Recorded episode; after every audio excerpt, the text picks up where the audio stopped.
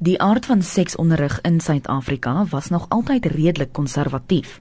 Die jongste konsepwet in hierdie verband is egter aansienlik minder so en veroorsaak grootskaalse debat onder kenners en beleidsmakers in die onderwys. Die departement van onderwys se voorgestelde omvattende seksualiteitsopvoedingbeleid, internasionaal geken as CSE, vorm deel van pogings om onder meer tienerswangerskap en seksueel oordraagbare siektes hok te slaan. Die uitvoerende hoof van Freedom of Religion, Michael Swain, sê teoreties is die beleid 'n goeie ding.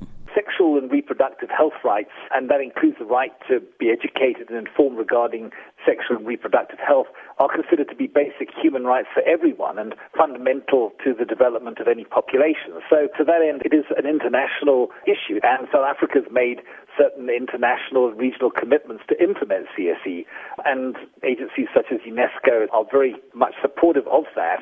And as such, yes, it is important that children, as part of their life skills development, that it forms a part of that curriculum.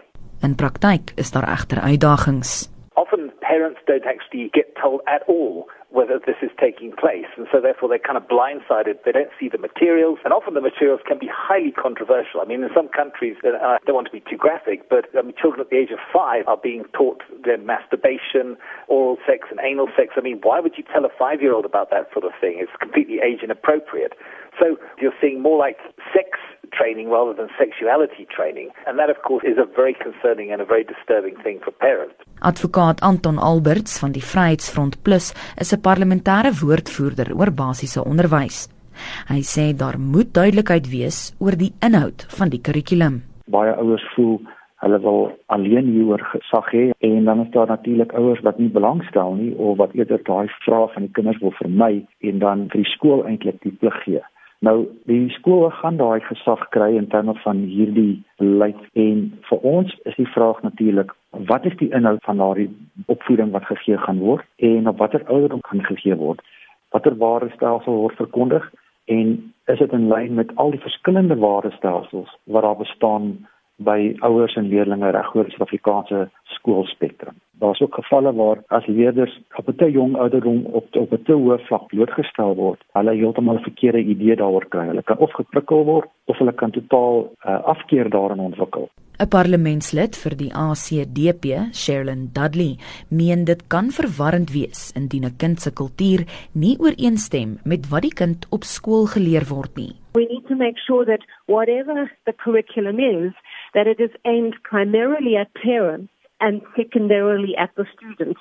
We also know that we've got some serious cultural strongholds in terms of thinking, which means that it's even more important for the entire family to get the kind of training that the department's thinking about rather than just separating parents from their kids by teaching kids something completely opposed to what the cultural thinking in the home. Die nasionale vereniging van skoolbeheerliggame se sekretaris-generaal, Matakanye Matakanya, is nie ten gunste van 'n kurrikulum waarin die opsie vir abortus met skoolkinders bespreek word nie. When you talk abortion, you are only focusing on the girl child. You don't think about the boy child. We can't throw our hands in the air and say, no, now let them do whatever they do. We must send the very same message to both boys and girls.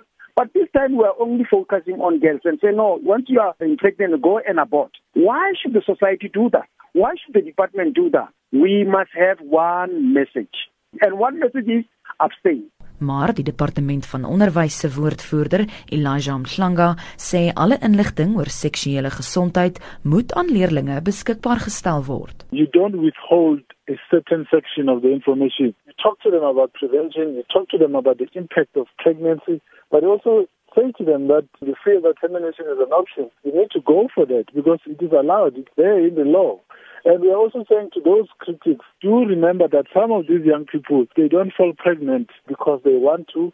Some of them are raped. And if they are too young or if they feel they cannot proceed with that pregnancy, they need to be given an option to terminate. We are not saying they must terminate, but we are saying they need to know that there is such option. Om die taak suksesvol aan te pak, sê Alberts, 'n samewerking noodsaaklik. Gaan absolute vennootskap moet wees waar die regering die gemeenskap meer moet respekteer as in enige ander vorige proses. Daar's definitiewe kulturele verskille ook en daai goed moet erken word en moet verwerk word. So dit is 'n baie komplekse taak wat nou aangepak word. Lede van die publiek sal tot einde Augustus die geleentheid hê om insette oor die beleid te lewer.